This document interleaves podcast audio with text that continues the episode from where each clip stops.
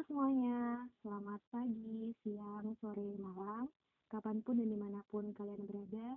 Semoga tetap dalam keadaan sehat dan tetap mematuhi protokol kesehatan agar pandemi ini segera berakhir dan kita dapat beraktivitas seperti semula.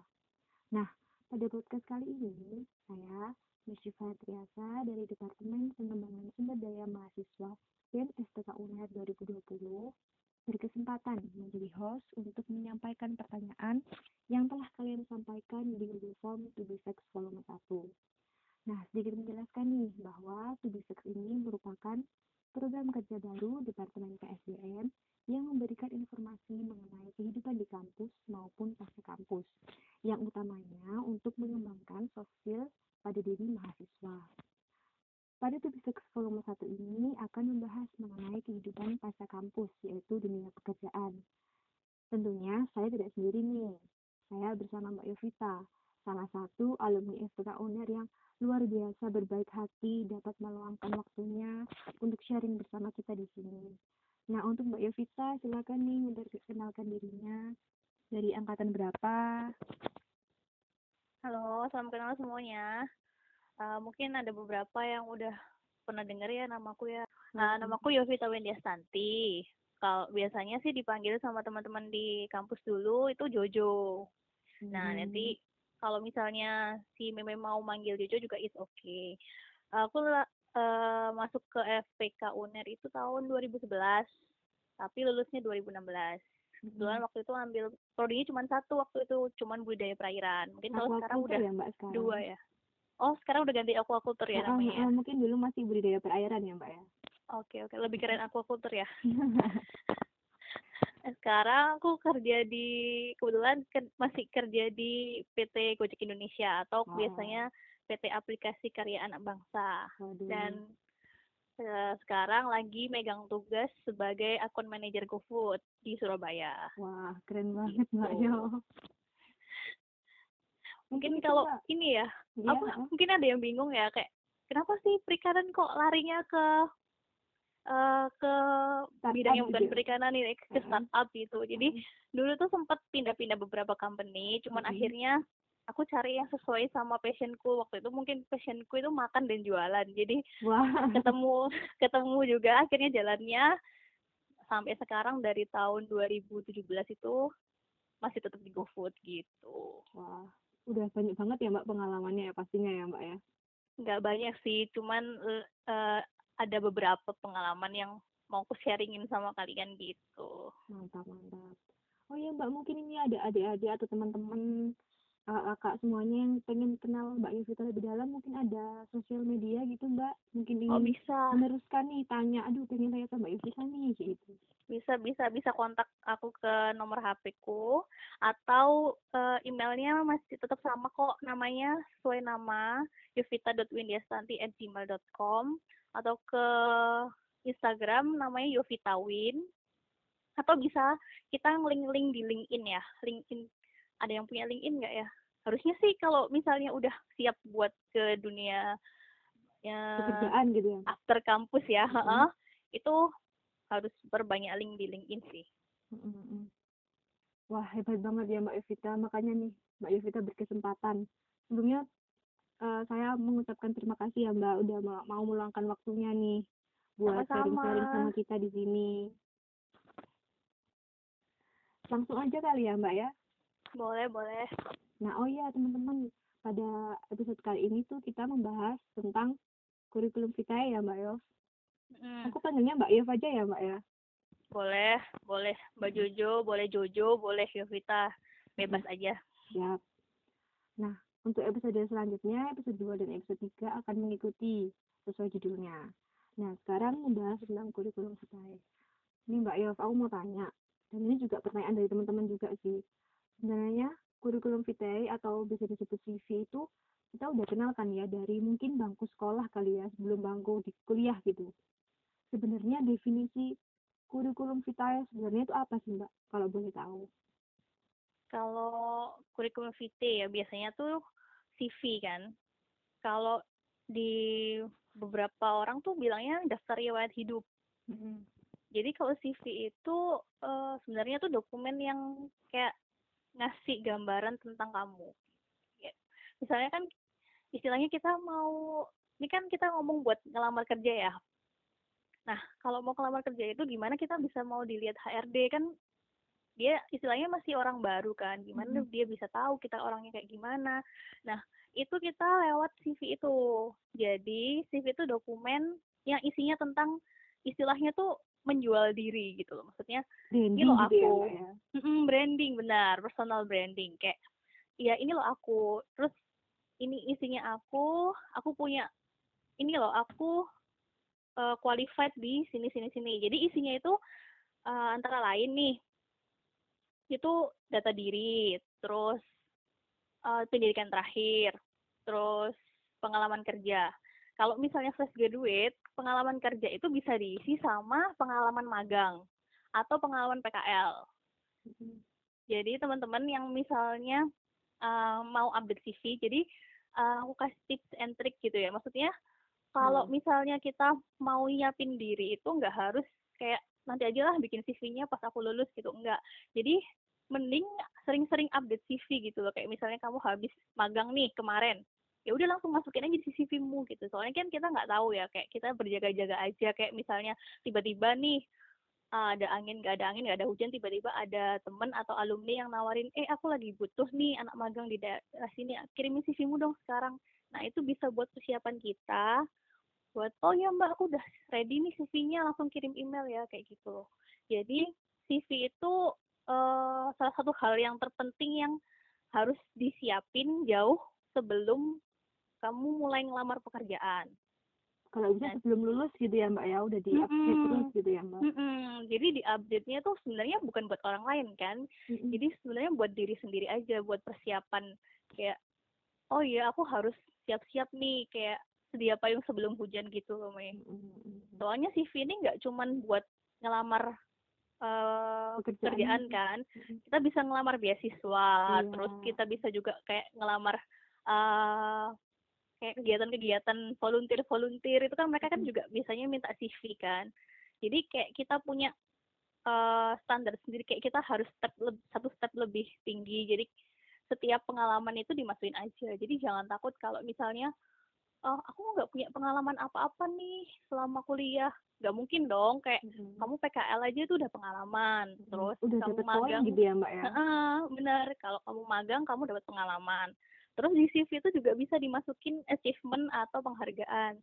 Uh, misalnya kamu dapat beasiswa dari Bank Indonesia itu bisa dimasukin di situ. Kayak itu sebagai nilai plus gitu loh. Jadi nantinya kalau misalnya digunakan untuk melamar kerja atau digunakan untuk melamar beasiswa, si HRD atau si interviewernya itu bakal lihat, oh anak ini ternyata aktif ya, bisa dapat beasiswa ini, udah ikut pengalaman ini.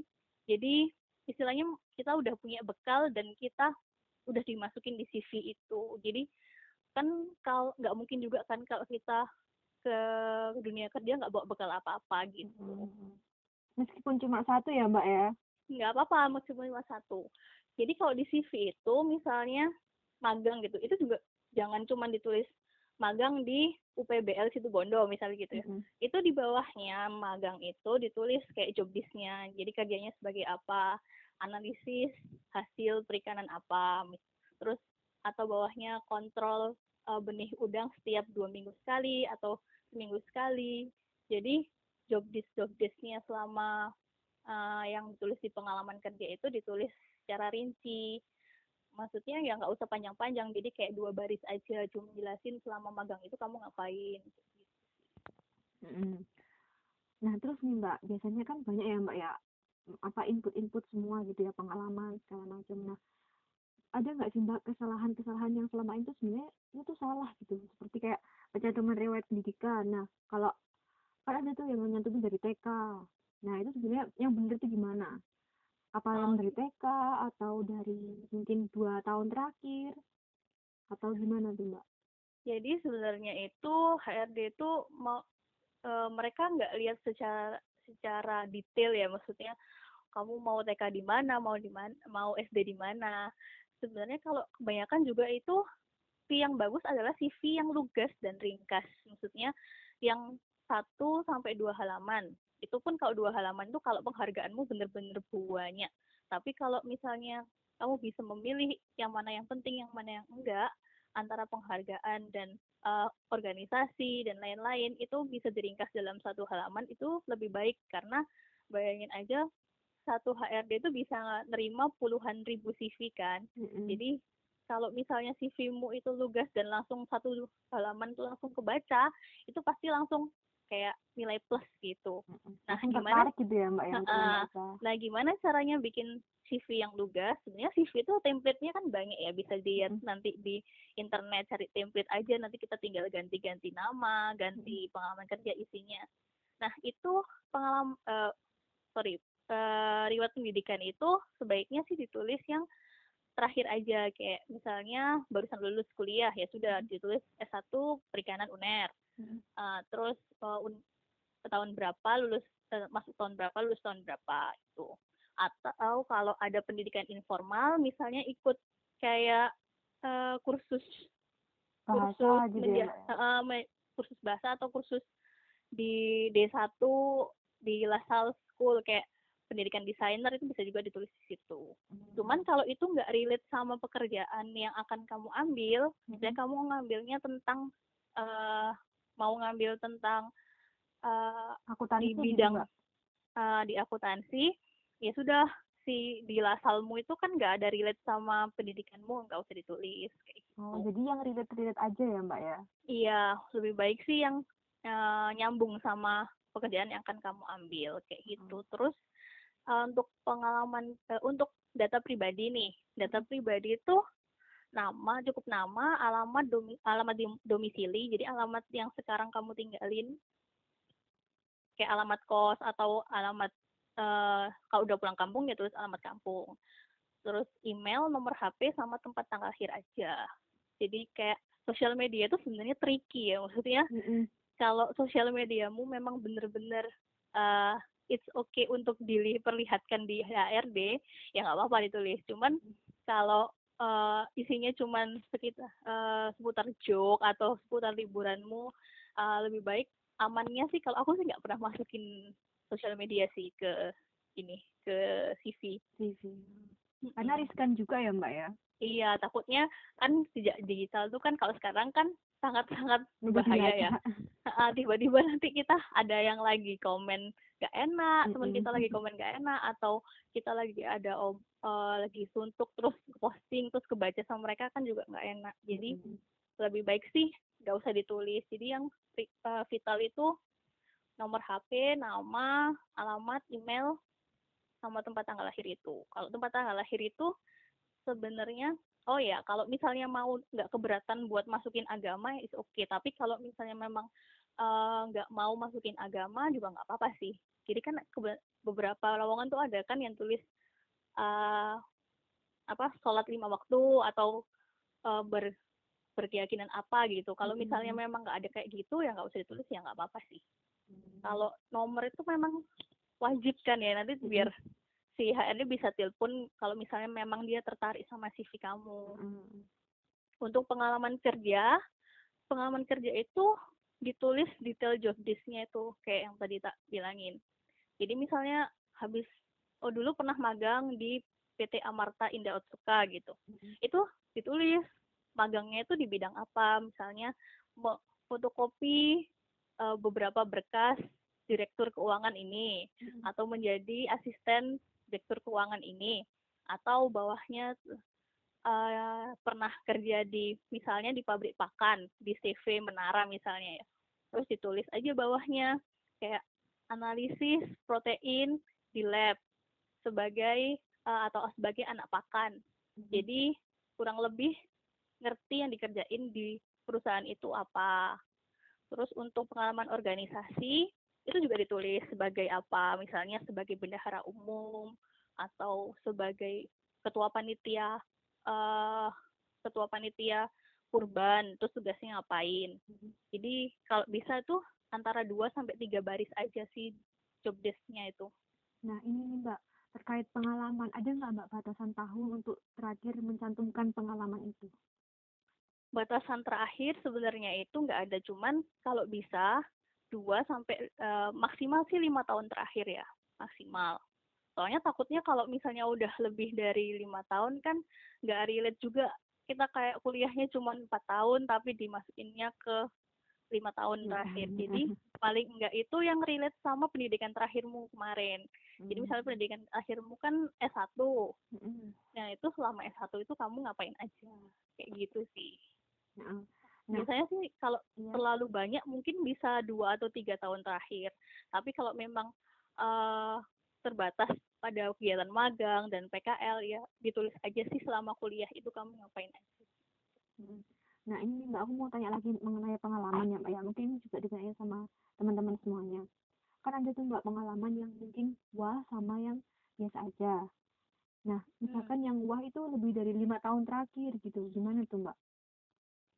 Uh, dilihat lagi sih ya kalau wah itu uh, standarnya tuh di regional, di nasional atau di internasional. Kalau misalnya standarnya di internasional ya oke-oke aja gitu kayak misalnya memang wow banget kayak menang olimpiade matematika waktu kelas 3 SMA gitu. Ya oke-oke aja sih kalau dimasukin. Cuman kalau lihat lagi kalau misalnya ada lebih dari lima pengalaman dan uh, kolomnya masih cukup, maksudnya tidak terlalu panjang di CV, ya itu oke okay aja dimasukin. Jadi uh, sebenarnya kalau mau dimasukin pengalaman yang oke okay sama enggaknya itu tergantung sama diri masing-masing kan ya yang bisa nilai. Jadi mm-hmm. aku pede nih kalau ini dimasukin. Tapi kalau misalnya aku cuman menang lomba jadi penyiar radio uh, di kota aja sih, ya, aku nggak mau masukin itu juga nggak apa-apa sih. Jadi uh, karena Balik itu nanti, gitu ya, Mbak, ya? karena itu nanti akan ditanyain waktu interview kan.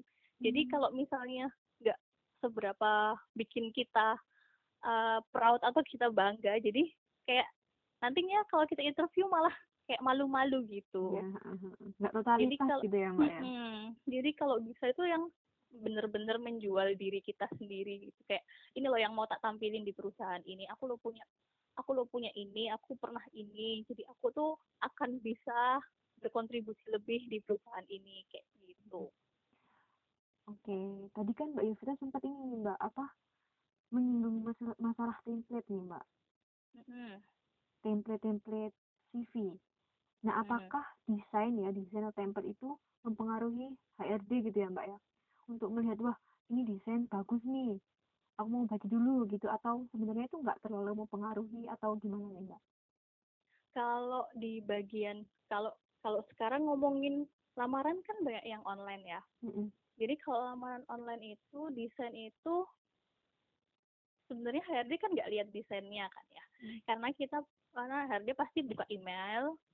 Oh ya kalau misalnya mau ngelamar kerja usahain langsung ke usernya ya. Jadi maksudnya langsung ke email gitu ya mbak ya? Iya maksudnya langsung ke user HRD-nya atau ke email si orang yang membutuhkan itu. Jadi nanti langsung bisa dibuka. Beda lagi kalau kita lewat platform kayak apa eh apa sih namanya jobs ID kayak gitu. Hmm. itu pasti kita saingannya lebih banyak daripada yang kita langsung ke email. Nah kalau ngomong lamaran yang langsung masuk ke online atau email pasti itu bentuknya paling nggak PDF kan. Nah di PDF itu mau nggak mau HRD pasti buka satu-satu. Nah hmm. kalau bisa template yang dipakai adalah template yang memang tidak terlalu mencolok warnanya terus yang ringkas nggak terlalu banyak aksen kayak avocado gitu ya, uh, avocado dan lain-lain. Karena mereka pasti screeningnya itu satu-satu. Dan mereka pasti lihat yang tadi itu bilang ringkas itu. Hmm. karena kalau CV-nya udah kayak dua halaman tiga halaman mereka juga males pasti baca nih. Hmm. gitu sih. Jadi sebenarnya kalau bikin CV itu uh, practice make perfect ya. Jadi nggak mungkin lah orang langsung bikin CV pertama kali itu langsung perfect gitu enggak. Mm-hmm. jadi makanya itu tadi uh, bagus banget kalau misalnya dipersiapkan jauh-jauh hari sebelum kamu lulus atau kamu mau lamar kerja. Jadi dari semester 1, semester 2, semester 3 itu nggak ada salahnya kok. Mungkin du dulu aku bikin CV itu cuman pakai Word pakai ini Excel gitu kayak mm -hmm. cuman tak kotak-kotakin tak kasih foto kotak-kotak biasa nama gitu cuman lama-lama oh ternyata ada template yang gratisan di internet ya Iya. sudah pakai gratisan tinggal anak isi tinggal isi aja. gitu ya mbak ya? iya bener jadi banyak kok template-template itu yang memang buat profesional jadi buat memang buat mengamar kerja tapi dibedain lagi itu kalau kita mau kerjanya itu yang kantoran atau yang nggak butuh kayak jasa yang expert kayak arsitek atau uh, fotografer atau buat desainer grafis mungkin kalau desainer grafis atau arsitek mereka lebih dicari artnya ya jadi Mm, mm, mm. mereka berlomba-lomba bikin CV yang sekreatif mungkin ada yang bentuknya itu tadi ya heksagonal. mbak ya Iya, jadi mungkin kalau di bidang kreatif mereka bakal dicari yang out of the box ya. Tapi kalau misalnya untuk di kantoran posisinya sebagai salesman atau sebagai admin itu cukup CV yang standar-standar aja sih. Jadi desainnya kalau misalkan bukan yang dalam industri art gitu ya mbak ya Mm-mm. biasa aja gitu ya mbak ya maksudnya lugas ringkas gitu ya mbak ya? Iya bener. Hmm. Karena mungkin kalau untuk industri kreatif mereka yang HRD-nya juga orang kreatif kan. Jadi mereka Iya. pasti cari carinya yang wah ini terlalu biasa. Tapi kalau memang posisinya tuh sebagai admin, sebagai kasir atau sebagai sales itu nggak perlu CV yang muluk-muluk lah. CV-nya yang standar-standar aja yang di template itu. Gitu. ini juga ada nih mbak pertanyaan banyak banget nggak apa-apa ya mbak ya Nggak apa-apa sih, sharing-sharing aja ya. itu kan biasanya kan ada tuh mbak yang ada kayak pengalaman atau prestasi nah perlu nggak sih mbak kita mencantumkan itu di belakang CV kayak misalkan sertifikat-sertifikat tuh kayak gitu mbak perlu atau tidak atau itu menjadi dokumen pendukung istilahnya Oh, untuk eh, sertifikat-sertifikat ya. Mm.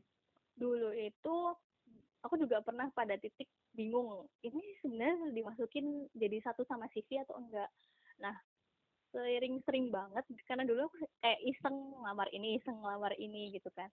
Itu ternyata nggak terlalu dilihat sama mereka. Jadi bisa dimasukin kayak sertifikat-sertifikat itu jadiin satu PDF aja. Jadi nanti kalau kelam- ngelamar kerja itu dokumennya kan CV satu PDF, cover letter atau surat lamaran kerja satu PDF, sama satu lagi itu kumpulan sertifikat. Sert- Kumpulan sertifikat itu bisa termasuk ijazah, SIM, atau eh, sertifikasi kayak HACCP kalau Mm-mm. anak perikanan ya. iya HACCP Nah, itu bisa dimasukin dalam satu PDF itu. Tapi kalau KTP nggak usah dimasukin ya, soalnya kalau KTP kan krusial banget. Mm-mm. Kalau misalnya memang nanti udah lolos, udah sampai tahap akhir, biasanya mereka kalau memang butuh KTP mereka akan ngasih. Tapi kalau di awal-awal bisa mungkin keep data diri kalian kayak KTP atau SIM kalau memang benar-benar nggak diminta ya nggak usah. Kecuali kalau ngelamarnya sebagai driver atau Mm-mm. ngelamarnya sebagai sales yang harus willing to travel keluar kota pakai mobil atau Mm-mm. pakai motor itu bisa dicantumin SIM-nya di situ. Cuman kalau KTP itu kayaknya terlalu krusial kan kita udah masukin nama kita. Ini kalau KTP kan karena yang penting nomor KTP-nya itu kan. Jadi Mm-mm. mending ngasihnya KTP nanti kalau udah lolos. Hmm. Wah ini Mbak Yevita sudah menjawab semua pertanyaan ya Mbak ya. gitu ya. Ini ada lagi sih Mbak. Apa sih namanya? Sebenarnya ya Mbak ya. Dia tuh sebenarnya tuh masih bingung gitu. Sebenarnya apa sih yang dicari gitu dari sisi kita oleh HRD atau user gitu ya Mbak ya. Seperti kayak kita udah bikin ini, udah bikin CV semenarik mungkin, udah bikin eh seringkas mungkin, senugas mungkin, tapi masih belum dilirik sama HRD, kita belum dipanggil interview gitu Mbak. Mungkin apa yang membuat kita salah atau gimana tips and triknya biar CV itu dilihat sama HRD gitu. sebenarnya kalau karena kalau lihat sebenarnya nggak dilirik sama HRD itu bisa jadi karena kualifikasi eh, kita tuh over qualified maksudnya yang diminta itu SMA tapi kita kuliah pasti mereka tuh punya budget kan. Nah ini kan anak S1 masa aku mau gajinya setara SMA mungkin bisa itu. Terus yang kedua mereka nggak cari eh, kriteria sesuai yang kita mau. Kayak kita ini anak perikanan misalnya ya anak perikanan dan kita ini uh, belum punya sertifikasi yang diminta sama perusahaan ini. Bisa jadi. Terus yang ketiga bisa jadi CV-nya itu kurang detail kayak uh, pengalamannya itu nggak dijabarin. Kayak tadi yang tak lihat itu kan. Karena beberapa kandidat lain ternyata CV-nya lebih lebih lengkap nih hmm. lebih banyak detailnya kerjaannya ngapain aja. Kayak gitu sih. Jadi kalau uh, kalau boleh aku sharing ya.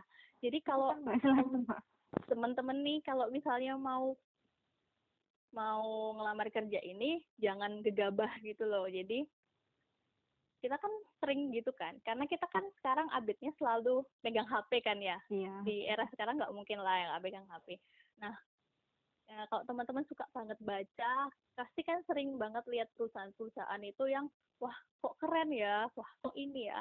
Jadi sejak di sedini mungkin itu udah nentuin tuh perusahaan yang pingin dicapai itu apa aja. Misalnya wah aku minat banget nih di industri perikanan ekspor. Ya cari perusahaan ekspor atau impor yang menangani tentang perikanan. Misalnya PT Alam Jaya atau di KML hmm. nah itu sering-sering baca tentang berita-berita terus udah mulai nentuin nih atau bikin wishlist aku mau kerja di sini, di sini, di sini. Jadi bikin beberapa perusahaan impian. Terus mulai uh, pakai aplikasi itu tadi LinkedIn itu.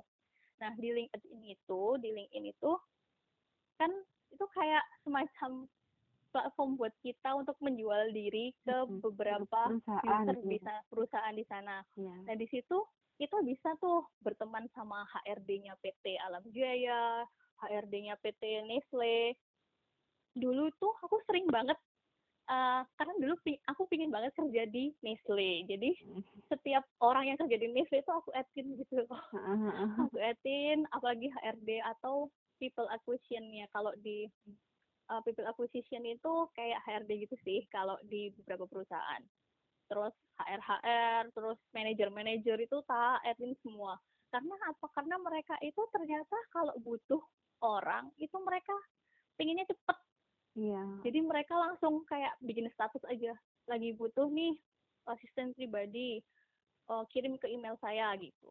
Atau duga-duga gitu ya mbak ya? Iya, uh, maksudnya tuh tiba-tiba mereka kayak tengah malam ngepost itu, ya kan kalau misalnya udah siap CV kayak yang tadi tak bilang, ya kan kita langsung kirim-kirim aja. Paling kita ngapain sih? Paling kita cuman ngedit lamaran kerja kan buat PT apa gitu, by email. Even kalau ngirim email itu kita harus punya waktu ya maksudnya nah ini nih mbak. Penting banget nih mbak. Hmm, kirim email itu yang sering dilihat sama user adalah jam 8 pagi sampai jam 10 pagi. Karena apa karena dari orang-orang kantor termasuk aku nih orang kantoran aku tuh pasti begitu jam kantor tet pasti langsung buka email. Nah, udah otomatis ya mbak ya? otomatis itu pasti nanti buka kayak email. kita buka WA gitu ya mbak ya? Uh, uh, benar. Karena informasi apa nih yang harus misalnya ada meeting nanti jam 12 kalau kita nggak buka email dari pagi kita nggak bakalan tahu tuh ada ada meeting dadaan. Karena biasanya mbak ya aku sedikit ya mbak ya? Tadi, boleh. kalau bener nggak sih kalau di dunia pekerjaan itu malah lebih sering itu semua itu lewat email gitu? Jadi iya benar pengumuman pengumuman kalau kita kan ada ganti jam sekian tuh via WA atau via line gitu. Kalau di dunia pekerjaan itu malah justru lewat email ya mbak ya? Mm-mm. Jadi kalau di dunia kerja itu misalnya ada bos ngajak meeting gitu ya, cuman ketemu di pantry misalnya, ketemu di kantin, eh nanti jangan lupa ya jam 2 siang meeting gitu. Kayak, ah meeting apa di email tuh nggak ada kayak gitu. Mm-hmm. Jadi kalau misalnya malah kayak verbal atau by WA kita malah nggak kayak ini loh nggak official nggak percaya yeah. gitu kan karena nggak record jadi pasti kita lihat email deh itu jam 8 sampai jam 10 biasanya mm-hmm. terus selesai itu kita kerja nanti jam 3 sore sampai jam 5 atau jam 2 jam lepas makan siang itu jam 2 jam 3an kita pasti ngecek email lagi untuk uh, jaga-jaga kalau jangan sampai ini ada gitu ya, kerjaan jangan sampai ada kerjaan kelewat buat hari ini jadi kalau mau ngirim uh, lamaran lewat email itu mending pagi kalau misalnya pagi ya nggak bisa bangun pagi itu bisa pakai sebenarnya bisa pakai pesan terjadwal itu loh Mei. Mm -hmm. Jadi Atau di email gitu ya mbak ya? di email itu di Gmail itu bagian bawah yang bagian kirim itu kan ada tanda panahnya tuh Mm-mm. itu bisa di schedule misalnya mau kirim jam 8 pagi buat Sab- buat hari Senin. Misalnya aku ngerjain hari ini nih. Ya. nanti kirim buat hari Senin tanggal 27 Juli. Itu bisa. Jadi di setting biar kita nggak kelupaan buat ngirim hari Senin. Jadi dia nanti bakal otomatis kekirim Kirim. Mm, Nah, jadi buat teman-teman nih yang belum tahu, mungkin ini juga pengetahuan baru juga sih Mbak buat aku. Kalau misalkan email tuh bisa kayak gitu. Iya bisa kok dicoba-coba nanti aja. Kalau misalnya mau ngetes nanti kirim ke emailku aja nggak apa-apa. Nah, itu email yang tadi ya, ya Vita ada Santi. Iya benar. Mungkin kalau misalnya teman-teman ada yang mau tanya, Mbak, CV-ku ini udah bagus belum?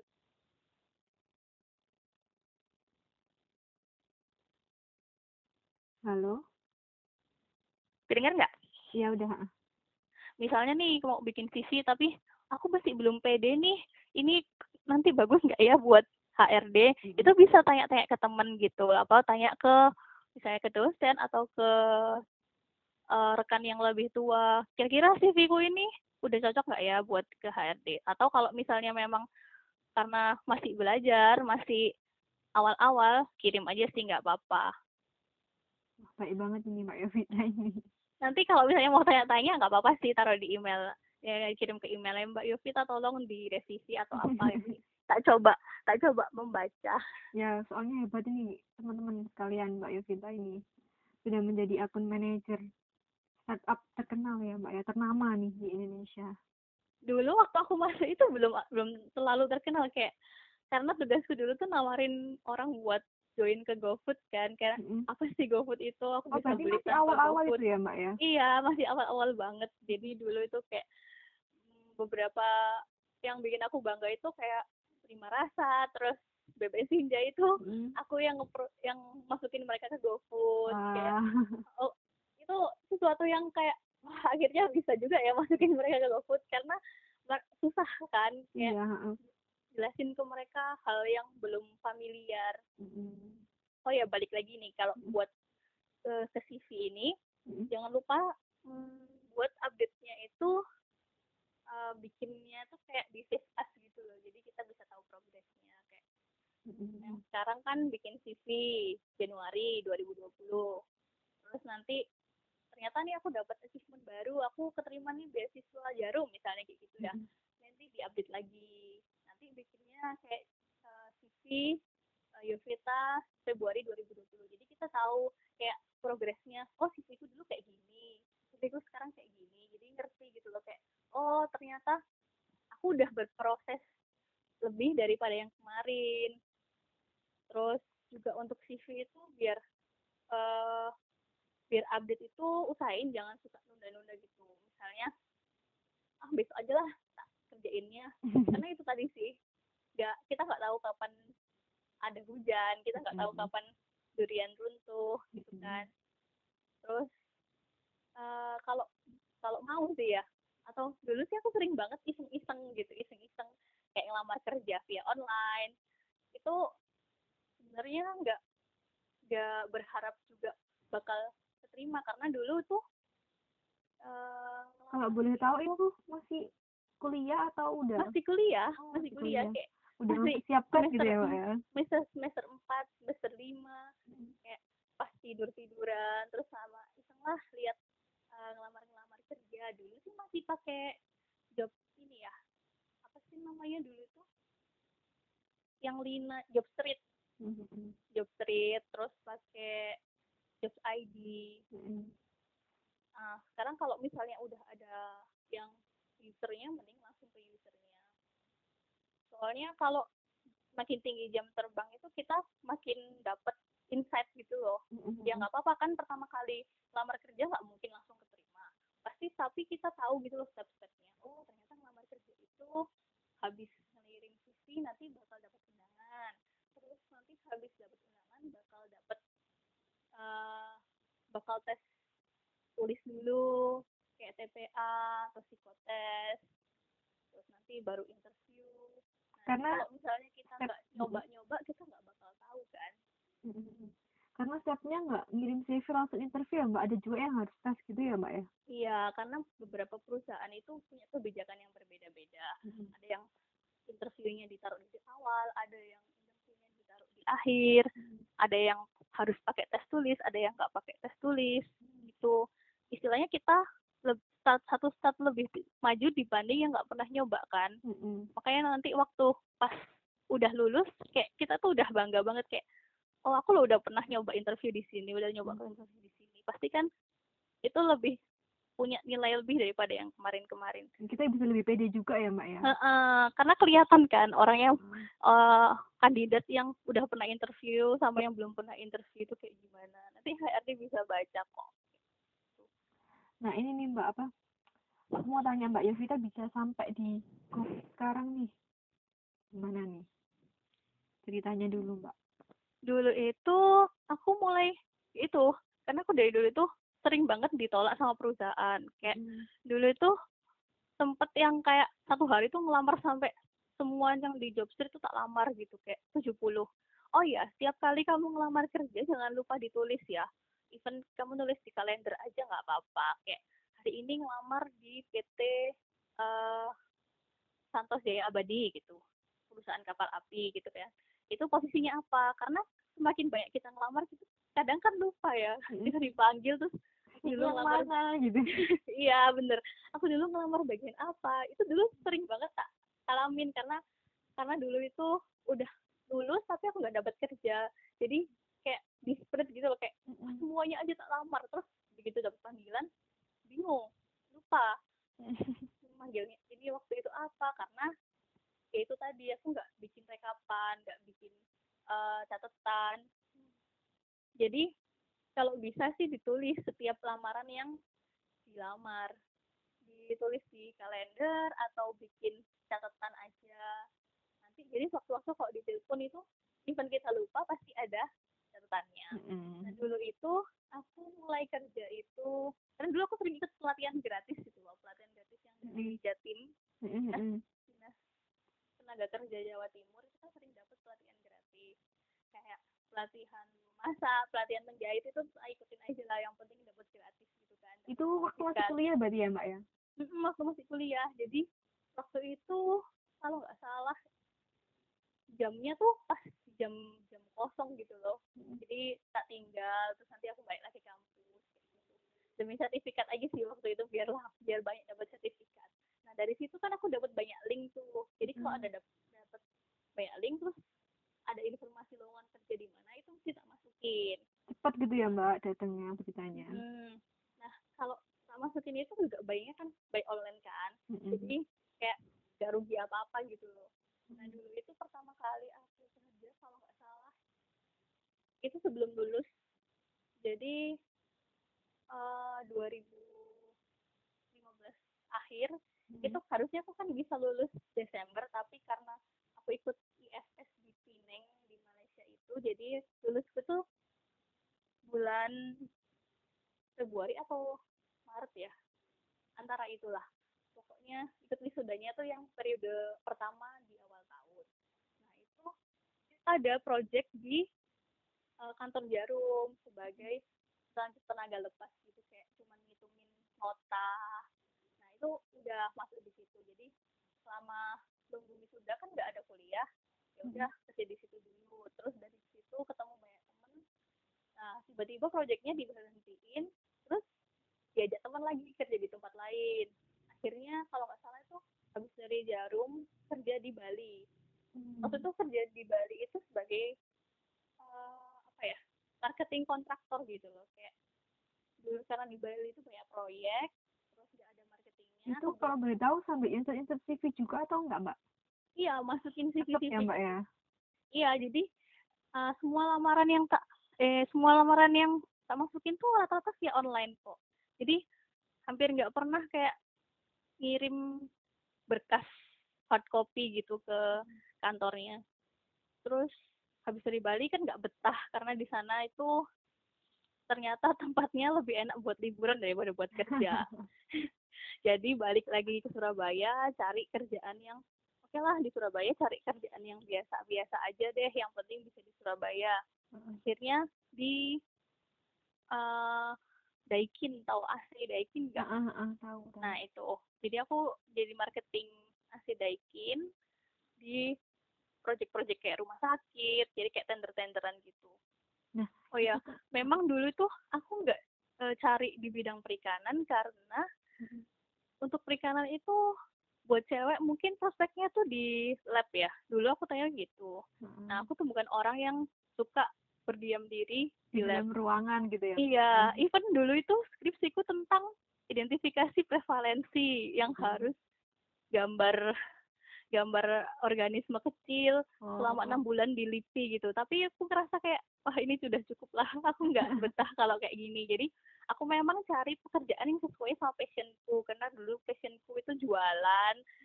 Eh, dulu karena di BEM itu aku juga mesti cari eh, divisinya kayak kalau nggak bendahara ya dan aku wirausahaan. Heeh. Pokoknya yang KWU yang gitu ya, bisa jualan-jualan gitu. Jadi ini juga bisa buat teman-teman kalau misalnya teman-teman memang eh memang masuk perikanan itu kan nggak semua tuh sesuai dengan keinginan ya. Misalnya nih ada yang eh, oh nggak sengaja nih karena masuk ke pilihan kedua atau aku asal kuliah aja mbak begini nengin orang tua. Itu it's okay. Maksudnya kamu di dunia di dunia kuliah itu nggak cuman belajar tentang mata pelajaran kuliah mata kuliah tapi juga belajar tentang social life Mm-mm, dan itu sih ya lain-lain. Mbak yang penting ya mbak ya. Hmm, jadi menjalin apa ya mbak banyak teman Menjalin gitu ya link, link, heeh. terus juga mem- eh, mengubah cara berpikir dari yang SMA ke dunia kerja untuk akhirnya mempersiapkan diri di dunia eh, di dunia kuliah akhirnya mempersiapkan diri di dunia kerja. Nah itu misalnya nih teman-teman yang nggak mau kerja di bidang perikanan ya cari yang sesuai minat aja sesuai passion. Kayak misalnya passionku emang jualan ya aku nyarinya yang di dunia marketing. Terus uh, memang teman-teman passionnya di fotografi ya cari yang relate sama fotografi atau memang sukanya jahit ya nggak apa-apa cari di di dunia yang uh, seputar desainer terus di tata busana kayak gitu. Jadi harus habis dari Daikin itu eh iseng-iseng tuh nggak ada Ah, waktu itu lihat LinkedIn ternyata kok ada lowongan ya. Nah itu dari teman-teman gue karena waktu itu kan Gojek kayak lagi ini ya lagi banyak promo lagi ber- awal-awalnya gitu kan, Booming kayak gitu ya mbak? "Eh, Gojek ini apa sih? Kayak ya udah tak tak add-in semua tuh yang di LinkedIn yang Gojek Gojek Gojek terus yang Grab Grab Grab terus yang Google Google pokoknya waktu itu aku lagi tertarik gitu loh sama startup startup. Jadinya ada salah satu orang yang kerja di GoFood eh di Gojek itu namanya Lydia waktu itu. Itu kayak orang di GoFoodnya Surabaya lagi butuh orang Mm-mm. jadi dia cuma bikin status gitu loh Mm-mm. dicari maksimal hari ini jam 9 malam nah itu aku lihatnya tuh udah jam 6 sore kayak "Hah, cepet Itu detik terakhir ya mbak ya iya nah ternyata dia udah ngepost dari tiga hari yang lalu Hmm. nah jadinya eh, mau nggak mau kan langsung ngirim CV-ku Hmm. eh nggak taunya besoknya tuh dipanggil langsung besoknya nih mbak Iya, jadi dia dia memang kayak screening CV-nya itu mungkin da- udah dari dua hari yang lalu, terus Mm-mm. masuknya mungkin punya aku terakhir-terakhir ya. Mm-mm. Terus, nah pas datang itu pas di inter eh, itu ternyata tahapannya itu habis datang wawancara, terus FGD. Oh ya, Mm-mm. FGD itu forum group discussion. discussion nah. Nah, jadi ada beberapa perusahaan tuh yang memang pakai FGD gitu. Jadi kita dikelompokin, dikasih kasus, terus nanti dilihat nih cara kita menyelesaikannya kita heeh, terus cara kita menghadapi teman-teman kita satu kelompok gimana. Nah, waktu itu sempat ceder juga sih kayak karena teman-teman yang lain tuh kayak dari Honda, kayak dari PT apa Coca-Cola, dari Unilever. Jadi kan kayak "Ah, aku apa dari perusahaan biasa kayak gitu ya. Ternyata eh, kayak gitu itu bagus sih. Maksudnya kalau kita tetap gredek waktu interview atau kita waktu ngelamar eh, di tahap pertama lamar kerja itu gredek, it's okay. Cuman kita nggak nggak boleh yang eh, terlalu takut sama diri sendiri. Tetap harus Mm-mm. calm, terus percaya Eh, diri ya mbak ya percaya diri. heeh.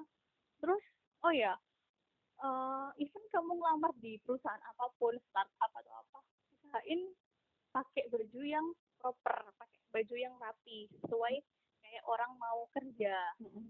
Jadi kayak jangan mentang-mentang ngelamarnya di startup terus pakainya cuman kayak kaos terus celana jeans kayak gitu. Jangan ya jadi uh, main aman aja mending karena kesan pertama itu adalah segala penampilan ya mbak ya? Penampilan. Dan kalau bisa itu selalu bawa parfum kecil gitu biar wangi.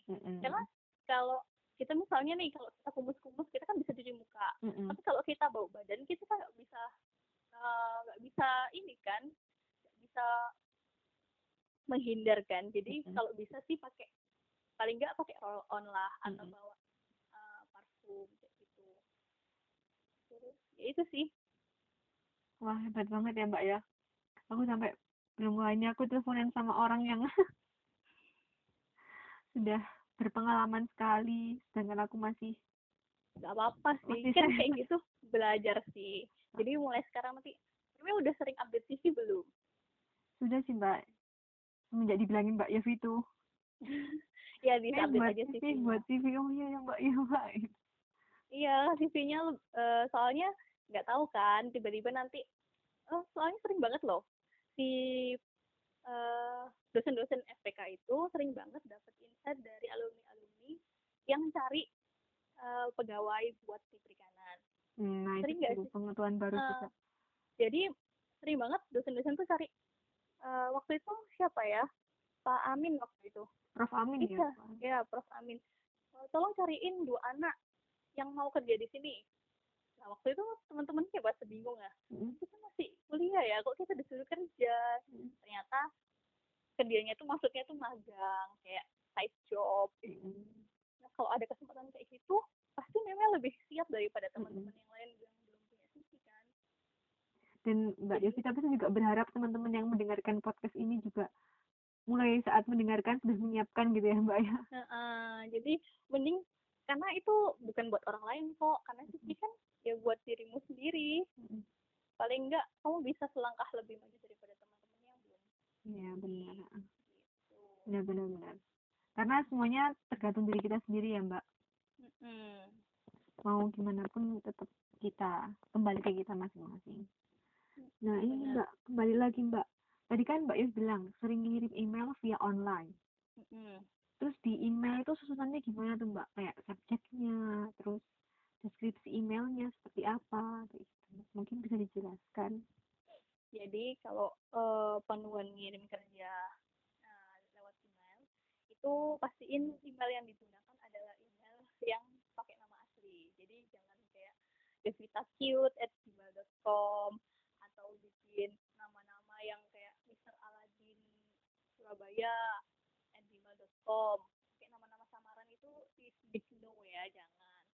Terus golden hours atau rush hour yang buat orang-orang lihat uh, para HRD biar lihat CV-nya di email itu diperhatiin tadi yang kayak jam 6, jam 8, jam 10 pagi hmm. atau jam 1 sampai jam 3 sore.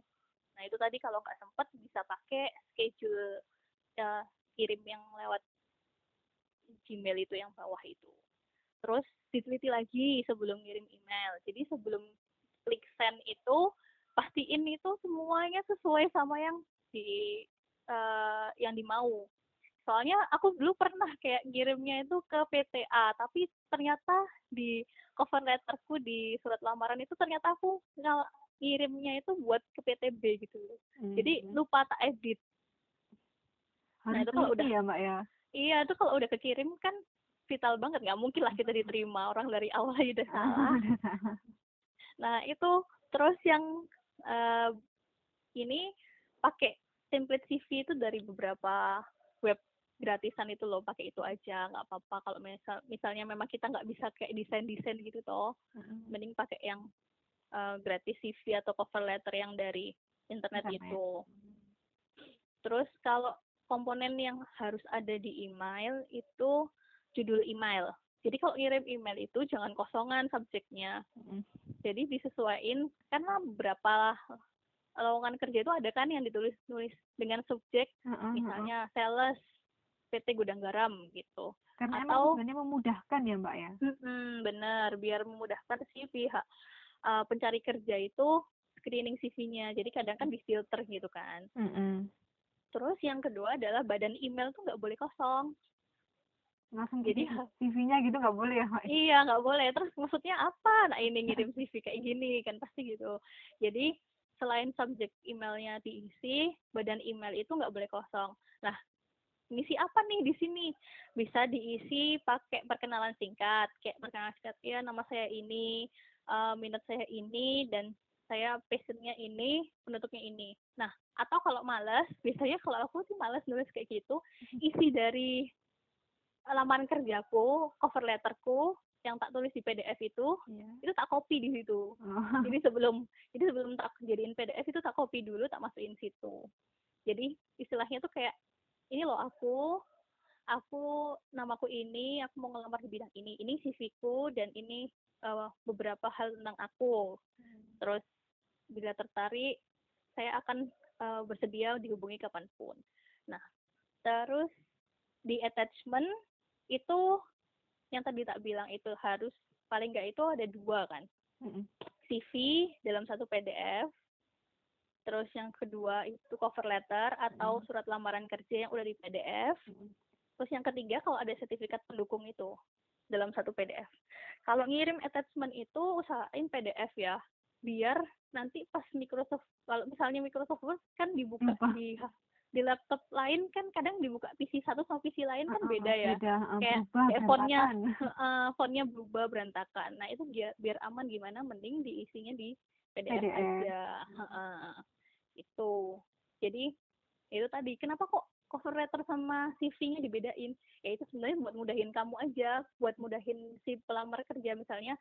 Meme mau ngelamar nih, Meme kan tinggal masukin CV yang udah jadi, terus langsung bikin cover letter aja gitu kan ah, ah. jadi sebaiknya sih dipisah kayak gitu aja memudahkan kamu yang lamar kerja sama memudahkan pihak ARD buat baca gitu Jadi cover letter tuh Mbak, cover letter tuh bentuknya seperti kalimat ya Mbak ya? cover letter itu isinya adalah peng- eh, lamaran kerja jadi isinya tuh paragraf biasanya Paragraf, ah. Mm-mm. bukan seperti CV gitu ya Mbak yang Bukan. dua kayak gitu ya? Mm-mm. Jadi kalau di sebenarnya kalau di cover letter itu isinya tuh lebih ke kayak narasi gitu loh. Kayak Mm-mm. ini saya adalah Yovita Medestanti. Saya berpengalaman di bidang marketing selama 10 tahun terakhir dengan data sebagai berikut kayak nama, tempat tinggal, alamat gitu. Terus besar harapan saya untuk mengikuti bla bla bla. Nah, contoh-contoh buat cover letter, eh, contoh buat kurikulum vitae itu sebenarnya bi- banyak banget di internet. Jadi teman-teman bisa explore di sana yang paling sesuai sama kepribadian tuh yang mana itu bisa dicari kayak gitu. Oh iya Mbak Yovita juga katanya mau ngirim contoh ya Mbak ya?